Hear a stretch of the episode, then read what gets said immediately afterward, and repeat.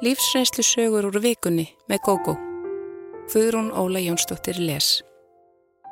Lífsreynslu sögur vikunar er í bóði úldraktiv magnesiumtablana. Með úldraktiv magnesiumtöflunum færðu meira út úr deginum, aukna orku, minni vöðvaþreitu og betri svefn. Úldraktiv magnesiumtöflunar fást í öllum helstu apotekum landsins. Erfið vináta Ég og Emma kynntumst í sexóra bekk og urðum strax vinkonur. 30 árum setna áttaði ég mig hins vegar á að vinóttan var einhliða því Emma naut góðs af mér en gaf lítið eða ekkert tilbaka. Emma var engabart foreldra sinna. Þau höfðu lengi reynd að eignast barnin ekkert gengið og voru búin að sætta sig við að vera bara ballus þegar mamminar varð ófrisk. Gleðin og hamingjan var mikil þegar lítil stúlka kom í heiminn og ekki mingaði hún neitt eftir því sem Emma stækkaði. Um það leiti sem við gengum í fyrsta sinnin í skólabyggingu með stórar töskur á bakinu var Emma þegar sannferðum að hún bæri af öðrum börnum. Hún var ljósærð með þygt liðað hár ofurlíti búlduleit með spjekkoppa og stór blá augu. Mamminar hafði verið heimavinnandi frá því hún fættist en þau hjónin voru mjög vel stæð. Mun betur stæð en foreldrar mínir sem bygguði blokk og unnubæði úti. Emma var læst þegar hún byrjaði í skólanum og mamminar hafði kent henni ímislegt í reikningi líka. Ég var aftur á móti ósköp venjulegur krakki. Emma var því langt á undan mér og öllum öðrum og hjælt því forskoti lengi. Fyrir tilviljun settist Emma við hliðin á mér og við fórum saman út í fríminútur. Þegar hún komst að því að ég bjóði næstu götu við hana, spurði hún hvort ég vildi ekki vera samferðin og mömmunar í bílnum heim. Brátt var það orðið að fastri venju að þær maður sóttu mig á mornana og ég fór heim með Emmu á daginn. Við unnum heimavinnun okkar við borstofuborðið heima hjá henni og lekum okkur svo, þanga til ég þurfti að fara heim í kvöldmatt. Einhverju sinni þurfti mamma Emmu að skreppa frá og við urðum eftir einar heima. Emma vildi leika sér í barbileik en ég var niðursokkin í púsluspil sem ég hafði fundið í herberginu hennar og líti ekki þegar hún baði mig að hætta því. Hún horfi á mig svo litla stund og áttaði sig á að ég ætlaði ekki að gefa mig. Þá sagði hún, komdu mömmir inn í herbyggið hennar mömmu, ég ætla að sína það svo litið. Hjónaherbyggi pappinar og mömmu var algjör ævintýra heimur og Emma vissi vel að ég myndi ekki neyta þessu bóði. Hjónarúmið var risastórt og fallegt kínvest silkiteppi breytti yfir það. Stórt snirtiborð stóð út í horni og á því voru ótal fjársjóðir. Ylvasklös, kristalskrús með skarkripum og silfurskreitt bustasett. Ég fann alltaf fyrir lotningu þegar ég gekk þangað inn og við höfðum stundum fengið að fara inn í fataherbyrgið og skoða pelsa, glæsikjóla, skó og töskur. En að þessu sinni stemdi Emma beint að svala hörðinni. Komdu, sað hún, ég ætla að sína þér. Hún opnaði hurðina og ég eld hana út. Ég var ekki fyrir komin út á svalirnar en hún stökk inn og læsti hurðinni. Ég held fyrst að þetta væri bara stríðni og bráðum myndi hún koma og hleypa mér inn aftur en tími leið og ekki kom Emma. Ég kallaði og bankaði en fekk ekkert svars. Þetta var að vetri til og snjóri fyrir öllu. Svalagólfið var þakið krapi og ég á sokkunum. Ég veit ekki hversu langu tími leið en ég var orðin mjög köld og hrætt. Frá svölunum á efrihæðinni sástinnum stóran stofugluggan um nær allt rýmið á neðri hæðinni. Allt í einu sá ég hver Emma kom niður stegan og gekk beintin í eldús. Hún opnaði ískápin og fór að taka sér til eitthvað að borða og þá áttaði ég mig á að ekki var á dagskrá að hleypa mér inn á næstunni. Óttin og kuldin rak mig til að leita annara leiða og ég klifraði því yfir handriðið og tókst einhvern veginn að láta mig síga niður með þakrennunni og niður í gardin. Ég hljópaði út yfir að hurðinni og ringdi, ætlaði að ná í skóna mína, úlpuna og skóladótið, en Emma svaraði ekki. Þetta endaði með að ég gekk heim á sokkunum og peysunni. Mamma var alveg brjáluð og fór til að sækja eigur mínar. Þegar hún kom tilbaka var hún alveg miður sín því mamma Emmu hafði neitað að hlusta á nokkuð af því sem mamma sagði og tilkynnti að dóttirinnar myndi ekki fram að leika sér við batnis og mig. Í nokkrar vikur eftir þetta forðaðist ég Emmu og hún mig en svo fór hún að sækjast eftir félagskap mínum aftur. Mamma var alltaf tortreikin út í hana og ekki að ástæðu lausu. Ef ég gerði ekki eins og Emma vildi, gerði hún alltaf eitthvað á minn hlut, þótt að væri aldrei jafn alvarlegt og í þetta fyrsta sinn. Blíjandur með skrauti sem mér þótti væntum, kvarf og fannst brotin á gólfinu í skólanum. Húfa sem amma prjónaði handa mér var klifti sundur og margt fleira.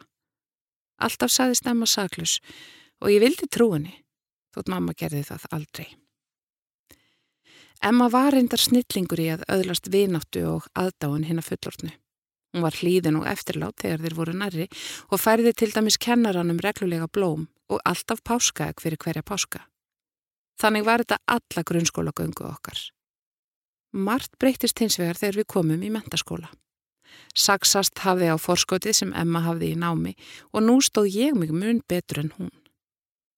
Emma fann sig aldrei í framhaldsskóla. Því kennararnir höfðu lítinn áhuga á henni og hún var aldrei miðpunktur aðteklinas eins og áður. Svo Emma hætti eftir tvö ár og fór í skóla úti í Breitlandi. Mamma hennar flutti út og helt heimili fyrir þær maðgur á meðan. Meðan Emma var úti, blómstræði ég. Áður höfðum við verið að mestu tvær því flestar aðra stelpur gáfust fljótt upp á Emmu en nú var ég hluti af stóri stelpuklíku sem tók upp á mörgu skemmtilegu og ég kynntist raunverulegri vináttu í fyrsta sinn. Á sömurinn þegar Emma var heima vild hún taka upp þráðinn og að allt yrði eins og áður en ég var ekki tilbúin til þess. Ég reyndi að draga Emmu inn í klíkuna en hinum stelpunum líkaði ekki við hana og þóld ekki stjórnsimuna í henni. Samverustundir okkar Emmu urðu því sífelt færri en þráðurinn og milli okkar slittnaði aldrei alveg. Hún helt áfram í háskólanámi í Breitlandi og kynntist þar vel efnuðu manni sem hún giftist. Ég heyrði ekkert frá henni í einn fimm ár, en kvöld eitt var hringt heim til mín. Það var orðið nokkuð áliðið og ég komin upp í rúm, enda mið vika. Emma var á línunni, nokkuð drukkin og nú áttið að gera upp gamlar sakir. Hún heldi sér yfir mig og sagði mér sníkudýr sem notið hefði góðs af henni og hennar fjölskyldu og svo yfirgefið hana þegar hún þurfti mest á mér að halda. Ég saðist ekki skilja hvað hún ætti við, því ég kannadist ekki við að hafa á nokkurn hátt haft hag að vináttum við hana. Hún öskraði þá á mig ókvæðis orðum og skellti síðan á. Mér leið hálfvilladaginn eftir og ringdi því í sameigilegan kunningja sem sagði mér að Emma væri skilin og komin heim. Hann sagði að skilnaðurinn hefði verið ljótur og líklega væri Emma þess vegna miður sín. Ég ákvað því að ringja og vita hvort ég geti gert eitthvað fyrir gamla vinkonu sem ætti erfitt. Emma reyndist ekki í betra skapi en kvöldið áður, þótt hún væri ódrukkin í þetta sinn og hún sagði ímsa ljóta hluti um mig, meðal annars að ég hefði logið upp sögunni af því þegar hún lokaði mig úti á svölunum. Þarna áttaði ég mig á að ég kerði mig um þessa viðnóttu og sagði það, reynskilinslega. Nokkrum sinnum í gegnum árin hefur Emma ringt í mig full og ímist væltum að hún vildi laga viðnóttu okkar eða auðsið yfir mig svíverðingum. Ég bregst alltaf eins við Ég segi, mér þykir vænt um þig amma og óska þér allsins besta en ég vil ekki umgangast þig. Þú notar fólk en kamt ekki að gefa af þér.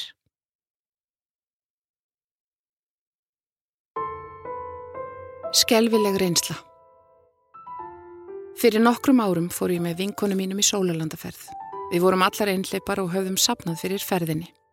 Ætlunin var að dvelja í viku og skemta okkur konunglega en þriðja kvöldið okkar úti var ég fyrir skelvilegri reynslu sem tók mér langan tíma að jafna mig á. Við mættum snemma um morgunin á ströndina því eftir hátið var ætlunin að fara til borgarinn ágrenninu og kíkja í búðir. Í hópnum voru miklar hæfileikakonur sem vöktu gríðarlega aðtegli þarlendra þegar þær sungu hástöfum í lestinni lög á máli innfætra. Í búðunum reyndist mikið úrval af fallegum fötum og við komum allar tilbaka með eitthvað nýtt sem ætlunin var að výja á næturklubb við ströndina. Það voru litrikar og gladar konur sem mættu í rauðina fyrir utan og við vorum fyrir en varði farnar að spjalla við hópa vungumönnum sem þarna voru í svipuðum erindagjörðum og við. Hópurinn var samferða inn og strax fóru við út á danskólfið. Fljótlega varði ég hins vegar vörfið að mér leiði ekki vel, mér var hálf ómótt og ég var með höfuðverk. Ég sagði því vinkonu mínum að ég ætlaði upp á hótel til að leggja mig. Ég kvatti hópin, fór út af veitingastafnum og gekk af stað. Leiðin var ekki laung, en eftir svo litið lapp gerði ég mér grein fyrir að ég hafi haldið í vittlusa átt. Í stað þess að koma að velístri aðalgötu var ég allt í einu stött á opnu svæði með óhrjálegar byggingar á aðra hönd og bílræ á hinna. Áður en ég gatt hins vegar snúið við og komist á rétt að leiða aftur, sá ég hver maður kom gangandi á móti mér. Hann var með stóran loðin hundi bandi sem let ófriðlega. Maðurinn var skuggalegur ásýndum í síðum frakka og með húfu á höfðinu sem hann hafi dreyið niður fyrir augu. Búið var að klippa göti í efnið sem hann horfi útum. Bara þessi sjón vakti með mér mikinn ugg svo ég snar snýri mér við og gekk hratt tilbaka í áttanæturklubnum. Maðurinn kom í humátt og eftir mér og grekkaði spórið. Ég var lömuð af óta. Hvert einasta skref var ég að neyða mig til að taka og berjast við löngunina til að fleia mér niður og kúra í fórsturstellingu. Hjartað barðist svo í brjóstinu að mér fannst ég vera að kapna. Skindilega var gripið aftan í kjólinn minn og þá gerðist eitthvað. Adrenalínið flætti um líkamann og ég reyði mig lausa og hljópa af stað.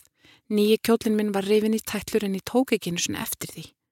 Það var eins og ég hefði vangi og ég flög áfram. Maðurinn hljópa á eftir mér og ég heyrði geltið í hundinum. Ég reyndi að kalla á hjálp en eina hljóðið sem ég kom upp var hálf kæft og hást kokljóð sem enginn heyrði. Aftur var rifið í kjólinn minn og aftur reyfið mér lausa af einhverjum ógnarkrafti og áfram hljóp ég og hann á eftir. Skindilega heyrði ég sírinu ljóði fjarska og brátt sá ég glampa af bláum ljósum sem færðu snær. Lögreglubíl nam staðar fyrir utan næturklubin sem ég var nú komið nokkuð nálagt og þá stoppaði maðurinn.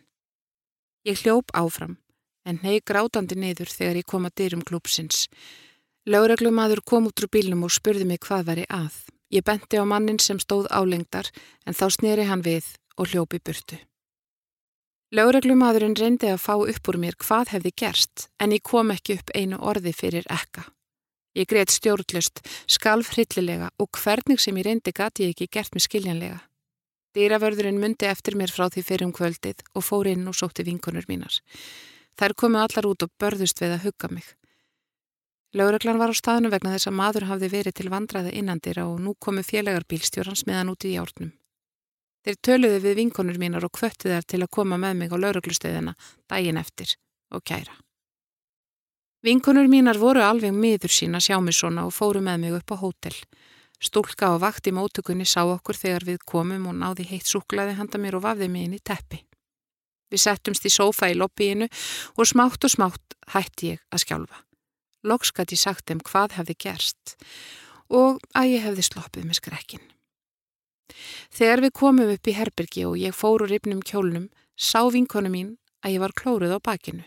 Tvær langar og djúpa rispur lágu frá öðru herðablaðinu og niður að mitti. Hún sá líka rauða bletti sem á næstu dögum breytust í mar. Kjólinn var ger ónýtur og augljóst að talsvert hafði þurft til að rýfa efnið svo rækilega. Við fórum á lauruglustöðuna næsta dag og ég sagði sögu mína. Þeir tóku niður skýslu en ég heyrði aldrei frá þau meira, svo ég gerir áðfyrir að maðurinn hafi ekki fundist. Þar sem eftir var á fríinu leiði mér ekki vel og ég vildi aldrei vera einn. Ég fylgdi stelpunum en gati ekki slakað á og skemmt mér eins og þær. Ef karlmenn voru einhver staðir í nákrinninu leiði mér ræðilega illa. Þegar við lendum í Keflavík fann ég fyrir miklum létti en fann fljótt að þetta var ekki búið. Ég var óskaplega óerug og þorði ekki að vera á ferðinni einað kvöldlægi. Mér leiði heldur ekki vel að vera ein heima og varð alltaf að hafa einhvern hjá mér. Ég fekk martræðir og vaknaði upp sveitt og skjálfandi. Stundum hveði ég fyrir að sopna og reyndi að halda mér vakandi sem lengst að vóta við vonda drauma. Mamma og pappi höfðu miklar áhyggjur af mér og kvöttu mig til að leita mér hjálpar. Ég gerði það að lokum og í nokkra mánuði gekki til sálfræðings. Hann útskiði fyrir mér að þótt ég hafi sloppið með skrekkin séu viðbröð líkamanns við svona mikill í skelvingu þannig að áhrifa þeirra gæti lengi. Bóðefna breytingar verði og það geti tekið langan tíma að ná jafnvægi aftur og áfallastreitur öskun sé ekki engungu tengt andlegum viðbröðum við áfalli heldur einnig líkamlegum. Ég náði að jafna mig að mestu en ég áta að enn í dag grýpur mig óttin við vissar aðstæður. Mér er illa við opin óræktarleg svæði og myrkrið. Ég hafði líka alltaf verið mjög hrifin af hundum en núna nálgast ég aldrei stóra loðuna hunda og fer yfir götur fremur en að mæta þeim og eigendunum sjáu ég þá einhver staðar á gangi. Af og til dreymir mig illa, drauma sem snúast um myrkur og ég sé á flóta.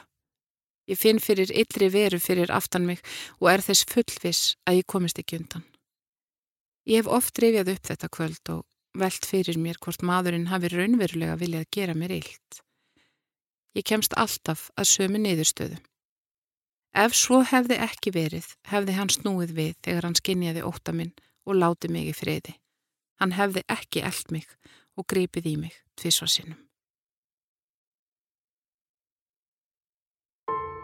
Óskiljanlegt hattur Fyrir rúmum áratug kom ung kona inn í fjölskyldu mína. Hún giftist sýstur sinni mínum en fljótlega varði ljóst að stúlkan tortrygði okkur öll og hataði. Allt þar til hjónabandi hennar lauk með miklum látum, olli hún skafa í fjölskyldu okkar og enn reynir hún að skapa vandraði hvenar sem hún getur. Þessi frændi minn, sem við skulum kalla Geira, er rólindur og feimin ungur maður. Hann hafði aldrei áður átt í alvarlegu ástarsambandi og líklega er óhætt að segja að hann hafi orðið yfir sig ástfangin. Hún aftur á móti virtist alltaf vera að leita að einhverju betra. Hún leka einhvern haldu mér sleftu mér leik lengi framann af og sagði honum upp í hvert sinn sem einhver annar karlmaður síndi henni áhuga. Þeir höfðu hins vegar vita á að forða sér meðan Geiri tók alltaf við henni aftur þegar hún kom skrýðandi tilbaka með grátstafin í kverkunum og sagðist að það var gert mistök. Sistri mín reyndi til að byrja með að taka vel á móti þessari stúlku sem á alveg nefna Nínu. Hún er mjög góð í sér og vissi að Nína hafði átt erfiða æsku og vildi hjálpa en varð fljótlega ljóst að Nína hafði engan áhuga á aðstóð og skilningi. Hún vildi alltaf vera miðpunktur allrar aðtegli og talaði sjaldan um annað en sjálfa sig. Við erum samhildin fjölskylda og reglulega eru haldin fjölskyldubóð þar sem allir koma saman. Oftast er farið í leiki eða spilað og reynd að sjá til þess að allir geti verið með. Til að byrja með mætti Nína en tók lítinn þátti því sem þarna fór fram. Hún reyndi að einangra einhvern eða einhverja úr hópnum og taka með sér inn í herbyrgi og kvartaði endalust yfir kærasta sínum, vinnuveitanda og lífinu bara almennt. Eins og gefur að skilja langaði fá að sleppa skemmtuninni og fjörinu fyrir sjálfsmeðungun og sögu nínu og þegar henni var það ljóst hætt hún að koma. Hún sagði að fjölskyldan væri vond við sig og lög upp sögum um dónaleg tilsver frá hinum og þessum. Í fyrstu trúði Geiri kærustu sinni og reðst á gjarnan á þann sem í það og það sinnið átti að hafa ráðist á hana. Hann áttaði sér nú hins vegar fljótlega á því að ekki væri allt satt sem Nína sagði. Æ oftar stóðan hana að ósanindum, íkjum og oftúlkunum og ymsum atvikum. Hún virtist meira að segja stundum gleima að hann hafði verið viðstattur þegar hún bætti gróflega við einhver orðaskipti eða íkti mjög atbyrði sem hún lísti sem verstu óverðingu. Nína stjórnandi fóreldrum sínu með harðri hendi. Þau höfðu verið drikkveld á hennar yngri árum og voru illa haldin af sammiskubiti þóttu hefðu tekið sig á fyrir löngu. Reglulega ringdi móðir Nínu eða skrifaði á Facebook langa fúkirðalista til einhvers úr fjölskyldunni sem átti að hafa gert eitthvað á hlutóttur hennar. Það var því eðlilega frekar undarlegt andrumsloft í brúðköpi þegar Nínu að gera. Fóreldrar hennar og sískinni sátu við annan endan á háborðinu og kvorki töluði við nýja litu á nánustu fjölskyldu hans sem var hinum eigin. Ef einhver brúðgumanns megin reyndi að fytja upp á samræðum eða bjóða upp í dans var honum mætt með ískaldrið þögn. Þetta hefði geta verið vandræðalegt og særandi en þegar þarna var komið var okkur öllum sama um álit þessa fólks á okkur. Við vissum að Nína hafði borið okkur út við alla sína ættingja og svo virtist að þeir hafi trúað henni. Sannast sagna höfðu allir óska þess fram á síðustu stundu að ekkert yrði af þessu brúðköpi. En þannig fór og fimm mánunum setna fætti Nína lítinn indislegan dreng. Ég fór með sýstru minni að heimsækja Nínu á fæðingardeildina og við komum hlaðnar gjöfum. Sistir hennar var fyrir á stofinni þegar við komum en foreldrar hennar gengu inn rétt á eftir okkur. Nína leiti ekki á pakkana frá okkur en reif upp það sem hennar fjölskyldaferðinni með miklum gleði látum. Guðu, þetta er svo sætt. Littli drengurinn verði sko í þessu þegar hann fer heim. Vá hvað þetta er æðislegt. Þetta verði sko notað. Upprópanirnar heldu áfram og brátt fór sýstir hennar að taka myndir. Hún baði elsku ömmuna að stilla sér upp hjá barninu og mömmu litlu og svo kallaði hún á Ava, Ég er sko orðin móðursistir og þarna kemur ömmusistirinn, rópaði hún þegar móðursistir hennar gekkin í herbyrkið. Við sýsturnar sáum að verið var að setja á svið dramatist leikrit svo við færum ekki í gravgöturum hvar við stæðum í augum þessarar fjölskyldu. Við kýmdum hvor til annarar, kvöttum hlýlega og fórum heim.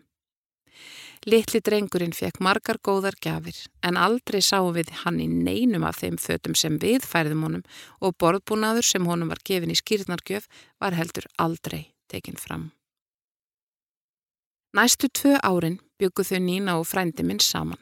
Hún var stöðugt erfiðar í skapi og stjórnunarþörfin jógst eftir því sem hún náði að kúa hann meira upp úr sögð þegar þau komu í mat heim til sýstur minnar og manns hennar og Nína heimtaði að geiri kerðana heim áður en maturinn kom á borðið. Hún hjælt því fram að sér veri illt í maganum.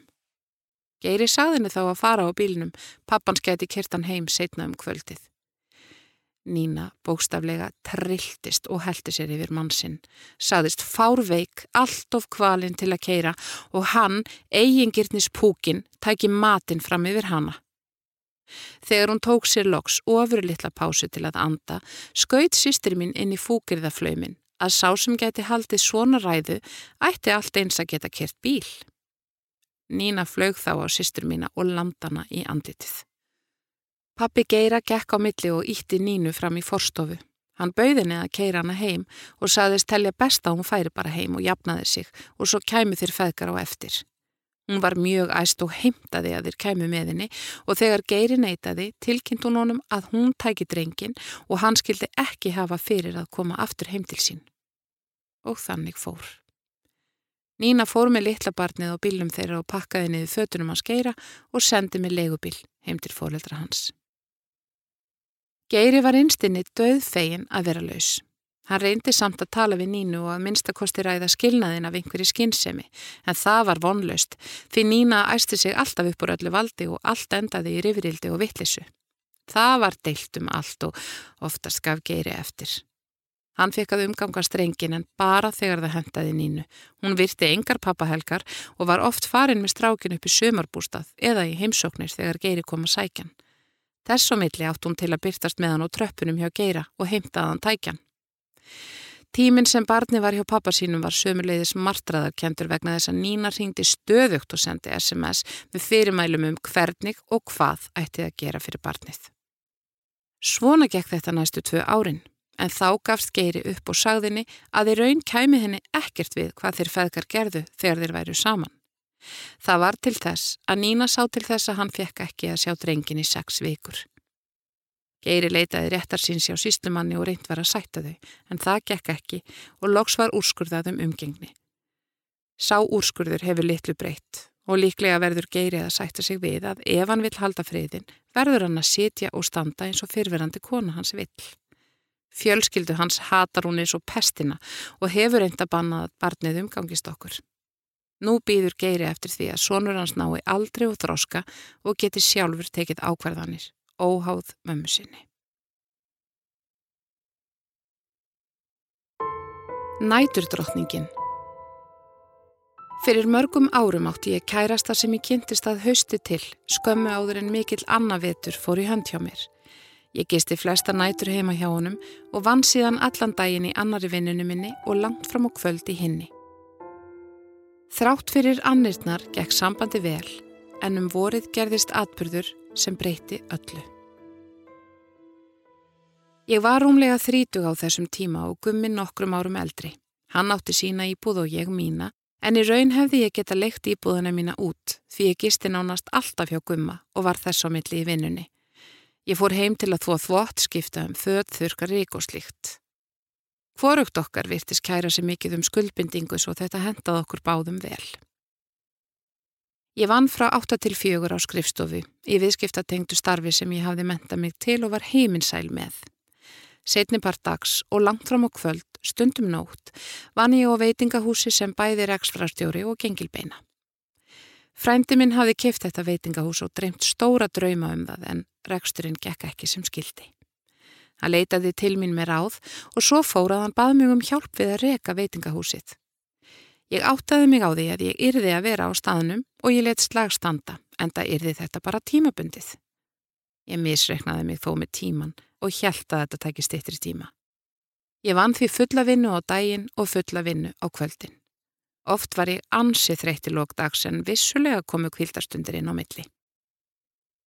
Við vorum fáliðuð á veitingastafnum en ef hann átti að bera sig þýtti ekki að ráða fleira starfsfólk því ekki voru til peningar að borga því laun. Frændi minn hafði gert þau miðstök að ráða ofmart fólk og hjælt síðan hann gæti bara haft það gott. En um leið og hann slakaði á klonni og let starfsfólkið um hlutina fór allt að síga nýður á við. Nú rerum við lífróður til að bjarga fyrirtækinu. Frændi minn var alltaf á staðnum, á samt mér, þar til síðustu gestinni fóru. Við höfðum fáa en góða starfsmenn sem fengu vel borgað og unnu vel fyrir laununum sínum. Með ákveðnum breytingum að auki sáum við frændi minn viðsnúning til eins betra, en hægt og rólega. Þessi tvöfald að vinna breyti litlu í sambandi okkar gumma nema að ég gisti sífælt nánast alltaf hjá honum enda nóttin eini tímin til að hittast. Það var ekkit skrítið þótt hann kallaði mig næturdrottninguna sína. Þetta var nánast eins og sambúð en samt ekki. Ég var næturgestur heima hjá honum, var með snirtutöskuna mína með mér í veskinu og ef ég glemdi einhverju sett hann það í póka og inn í skápi forstofinni. Það var heldur engin ástæði til að breyða úr sér þótt ég hefði alveg þegið að fá glas undir tannbustan minn og eina nærfattaskúfu eða svo. Það var hans að bjóða það, ekki mitt að byggja um það. Ég efast um að nokkur sem hefði komið inn á heimilans hefði trúaði að hann ætti kærustu. Svo lítil ummerki voru eftir veru mína þar. En það var nægur tími til að gera meiri alveru úr sambandi okkar gumma og ekki lág mér neitt á að stopna fjölskyldu með honum. Mér fannst þó líklegt að allt endaði með því, með tímanum. Gummi kom ofta á veitingahúsið til mín og ég gaf honum þá góðan kvöldmatt. Hann var yfirleitt steinsofandi þegar ég fór til vinnu á mótnana en um helgar náðu við stundum að borða saman síðbúin morgunverð því ég þurfti ekki að fara á veitingahúsið þá daga fyrir upp úr hádegi. Ef ég var veik, sem var örsjaldan, lág ég bara heima hjá mér og let mig batna. Gummi let sér dreyma um að verða listamadur og því var vinnudagur hans óreglulegur. Hann var bæði í tónlist og myndlist en mun betri í því fyrir nefnda. Þótt hann tæki eitt og eitt tónlistargík með félögum sínum vildi hann alltaf að ég kemi heim til hans og gisti. Jafnvel þótt hann sjálfur kem ekki heim fyrir undir morgun. Hann let mér fá líkilað íbúðinni sinni fljóðlega eftir að við fórum að vera saman. Gummi þurfti svo sem ekki mikið að vinna. Hann var af efniðu fólki komin og hafði það ljómandi gott eftir að hann fekk arf eftir föður sinn. Hann var í einhverju sambandi við móður sína sem bjóð út af landi en þegar hún kom í borgina gisti hún hjá sýstu sinni. Það fóreldra Gumma skildu þegar hann var ungur að árum. Vikulega kom kona heim til Gumma og þreif allt hátt og látt og þess á milli held hann öllu mjög fínu. Hann var ekki þessi dæmigerði fátaki listamadur. Listin var meina áhugamál hjá honum en eitthvað sem hann þurfti að lifa af. Eftir að hafa gist meira og minna hjá gumma heilan vetur var ég farin að þekka heimili hans vel og andrumslofti sem það ríkti. Oft fann ég að einhver annar hafði verið í íbúðinu og það passaði alltaf. Gummi hafði fengið gesti að sögn. Hann var bara svo mikil snirtipinni að þess sáust sjaldan merki, ekki frekar en eftir mig. Vinkonur mínar voru forvittnar um næturprinsinn minn en enginn þeirra hafði hitt gumma. Þær síndu mér mikla tryggð þótt ég hefði nánast engan tíma fyrir þær á meðan ég einbeitti mér að veitingahúsi frænda minns. Það kom fyrir í pásunni og milli starfa að ég hitti þar á kaffihúsi í skamma stund. Svo komið þar stundum og borðuðu á veitingastanum, engungu til að þær glemdi ekki hvernig ég liti út, eins og þær orðuðu það í gríni. Ég sagði þeim að þegar þessari miklu vinnulótu væri lokið, hefðu þær nægan tíma til að kynast gumma. Hann þekkti þær eflust allar núorðið í gegnum þar sem ég hefði sagt honum um þær og ég ætlaði sannarlega að halda stórkoslegt matarbóð og kinnan fyrir þeim. Ég var yfirleitt svo þreytt í lók vinnudags í kringum minnætti, oft setna, að ég hafði bara orku fyrir gumma minn. Annars hefði verið gaman að halda gott parti. Mamma og pappi vissu af tilveru gumma, en líti meira. Ég kíkti stundum til þeirra setnipartin, áður en ég fór á veitingastæðin og heyrði oft í þeim í síma. Þennan vetur leið mér svo litið eins og ég væri í útlegð frá öllu. Ég fylgist valla með fréttum og sánánast aldrei sjónvarp. Ef ég hefði ekki átt kærasta til að kúra hjá, hefði lífið mitt verið ansi tómlegt. Ég er mjög heilsurhaust og mér verður nánast aldrei miðstægurt. En eitt morgunin, rúmu ári eftir að ég kynnti skumma, vaknaði ég með sáran höfuðverk og mikla beinverki. Ég stöylaðist fram úr og fekk mér kaffi úr fínu espressovélinni hans gumma. Þrátt fyrir verkjalið lagaði slíðaninn lítið. Fyrir ringdi ég í vinnuna og sagðist vera lasin en myndi reyna að koma í hátteginu. Gummi hafði verið að spila kvöldinu áður og lág steins sofandi inn í rúmi. Ég lagðist í sófan í stofunni og dormaði þar um hríð. Klukkutíma setna var mér farið að líða betur og ég ákvaði að drífa mig í vinnuna.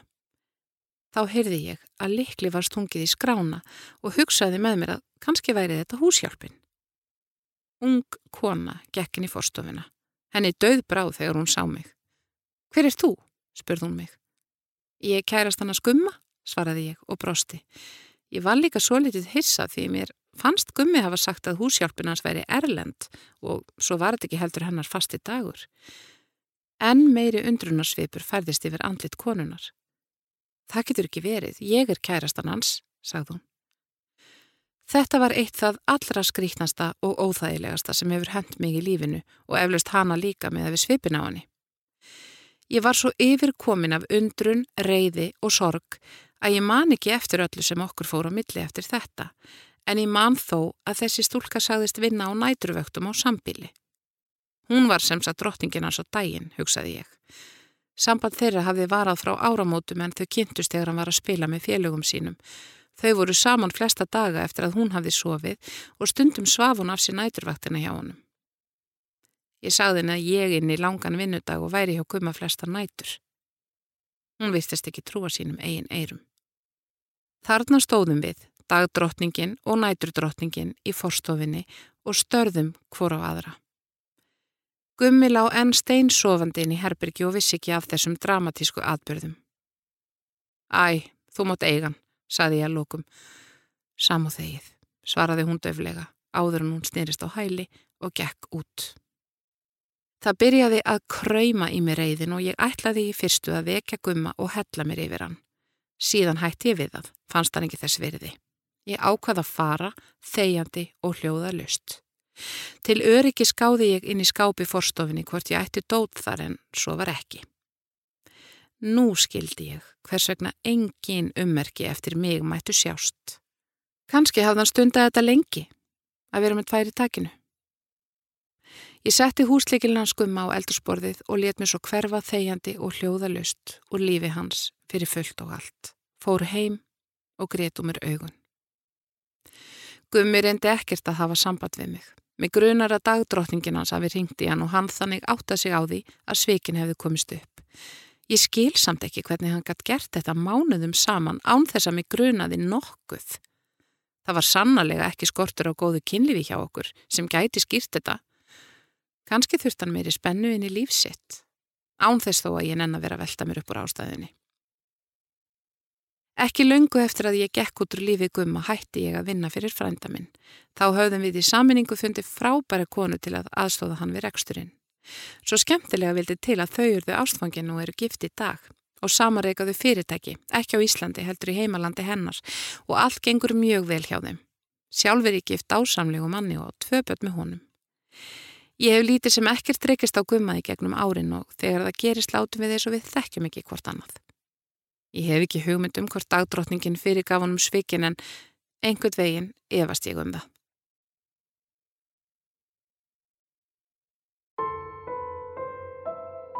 Aldrei skal ég gleima þér. Fyrir tæpum 20 árum kynntist ég manni sem ég kolfjall fyrir. Samband okkar var afar gott til að byrja með en með tímanum fór hann að sína á sér nýja og verri hlið.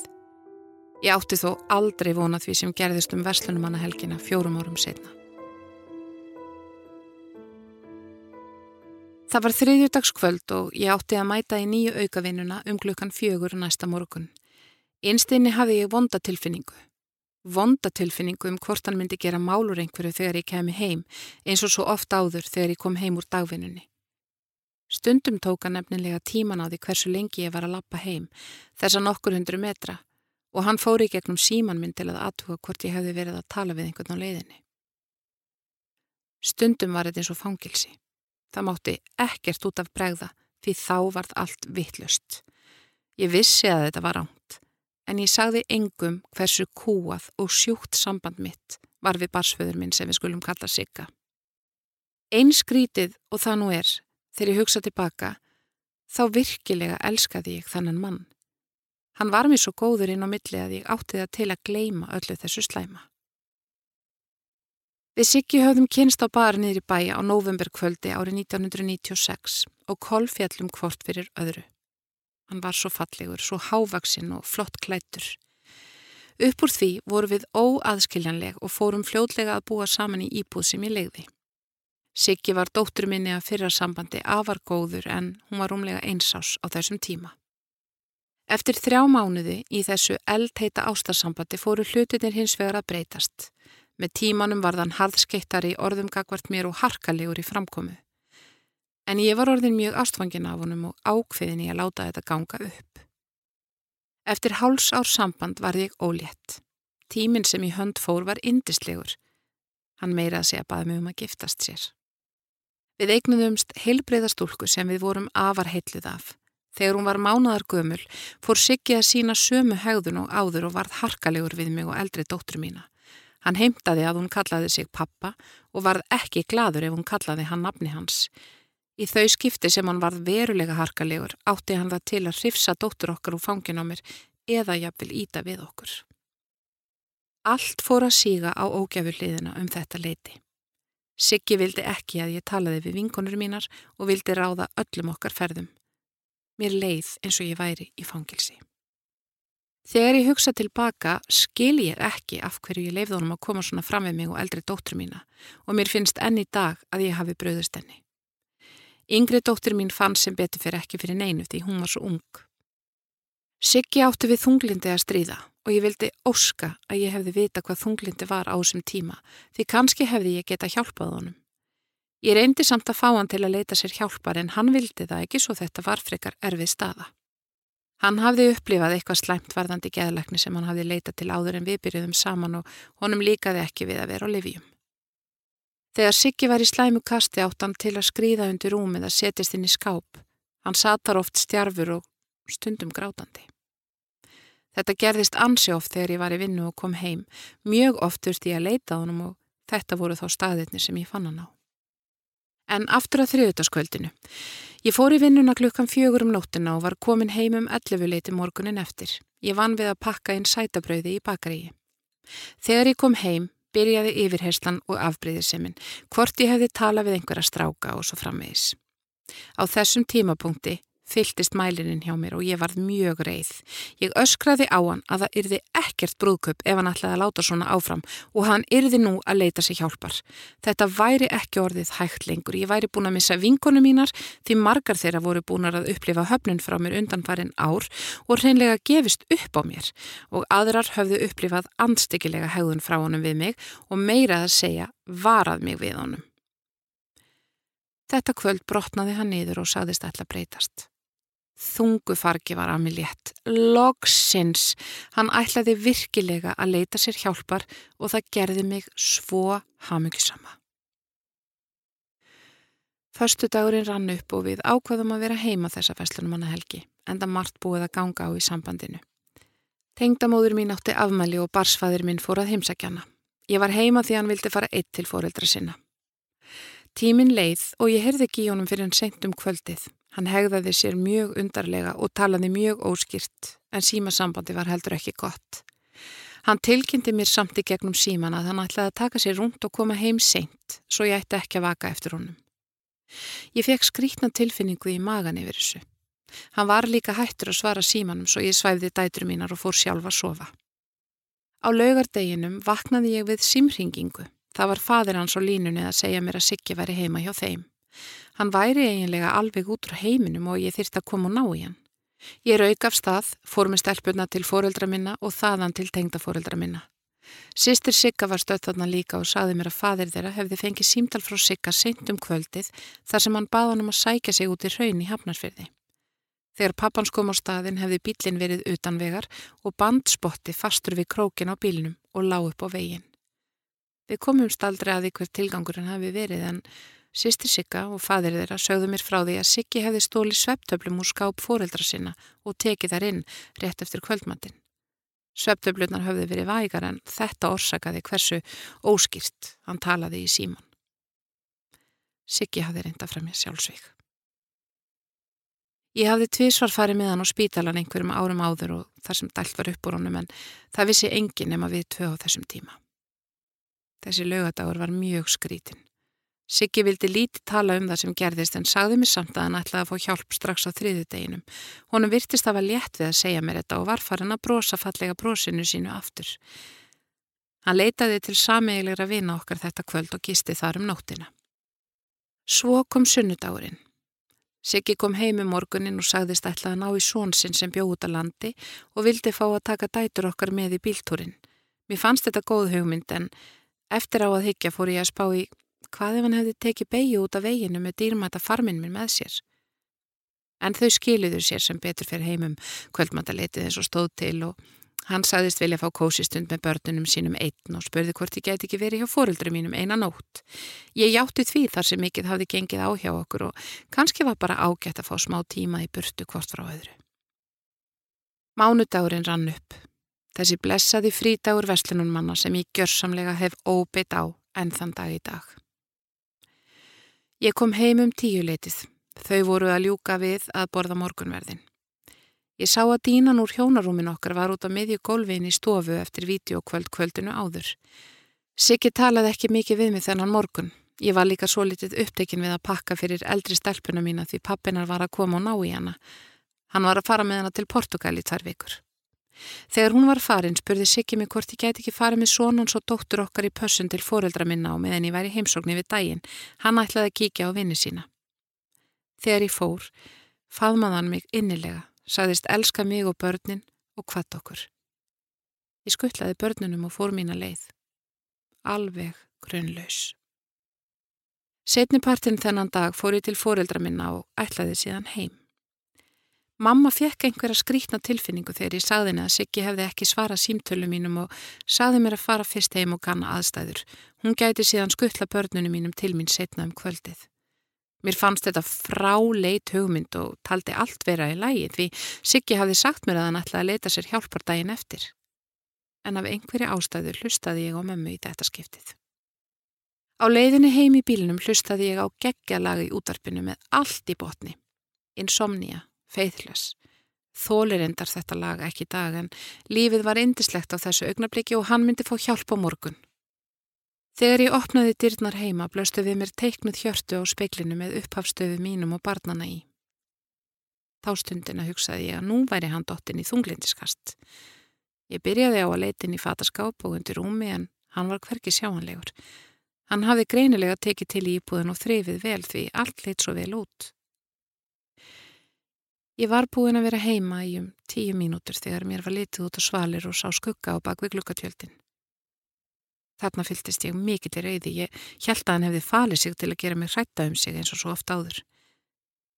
Ég gekk hratta glukatjöldunum og hrifsaði þau til hliðar. Ekki grunaði mig að ég myndi nokkur tíma upplifa þá sjón sem blasti við mér. Siggi hjekk með belti um hálsin, reyfingarlaus og nákvítur á vanga. Ég varð svo hrætt að ég gjör samlega fröys. Ég gati ekki hugsa mér að koma við hann mannin sem ég elskaði svo heitt. Eitt augnablík beði ég eftir því hann myndi hoppa niður og segja djók. Ég hljópa símanum og ringdi í laurugluna og það litla sem ég mann var að ég sagði ítrekkað hann hangir bara. Lauruglumadurinn í símanum reyndi að róa mig og sagði mér að ringja úr GSM símanum mínum þegar ég væri komin út úr húsinu. Ég mann þegar ég hljóp hágrátandi niður tröppurnar og fannst ekki vera á eftir mér, ég var svo rætt. Þennan blessaði frítið á vestlunum manna. 7. ágúst árið 2000 misti ég barsföðu minn og unnusta. Hann hafði svift sér lífi, 29 ára gammal. Þarna áttaði ég mig á að hann myndi ekki leita sér hjálpar eins og hann var búin að lofa mér. Það að vera 25 ára, tveggja barna móðir og vera orðin ekja var alls ekki það sem ég átti vona á að upplifa. Ég trúði því ekki að hann geti farið svona frá börnunum sínum og var lengi mjög reyð út í hann. En Ég veit í dag að hann átti við mikla erfileika að stríða.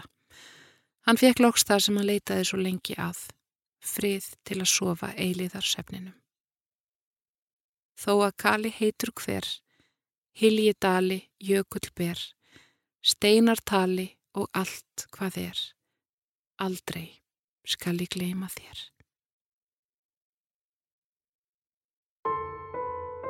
Þú varst að hlusta á lífsreynslusögur úr vikunni með GóGó í lestri Guðrúnar Óli Jónsdóttur og framleiðslu Storysight árið 2020. Höfundaréttur Vikan.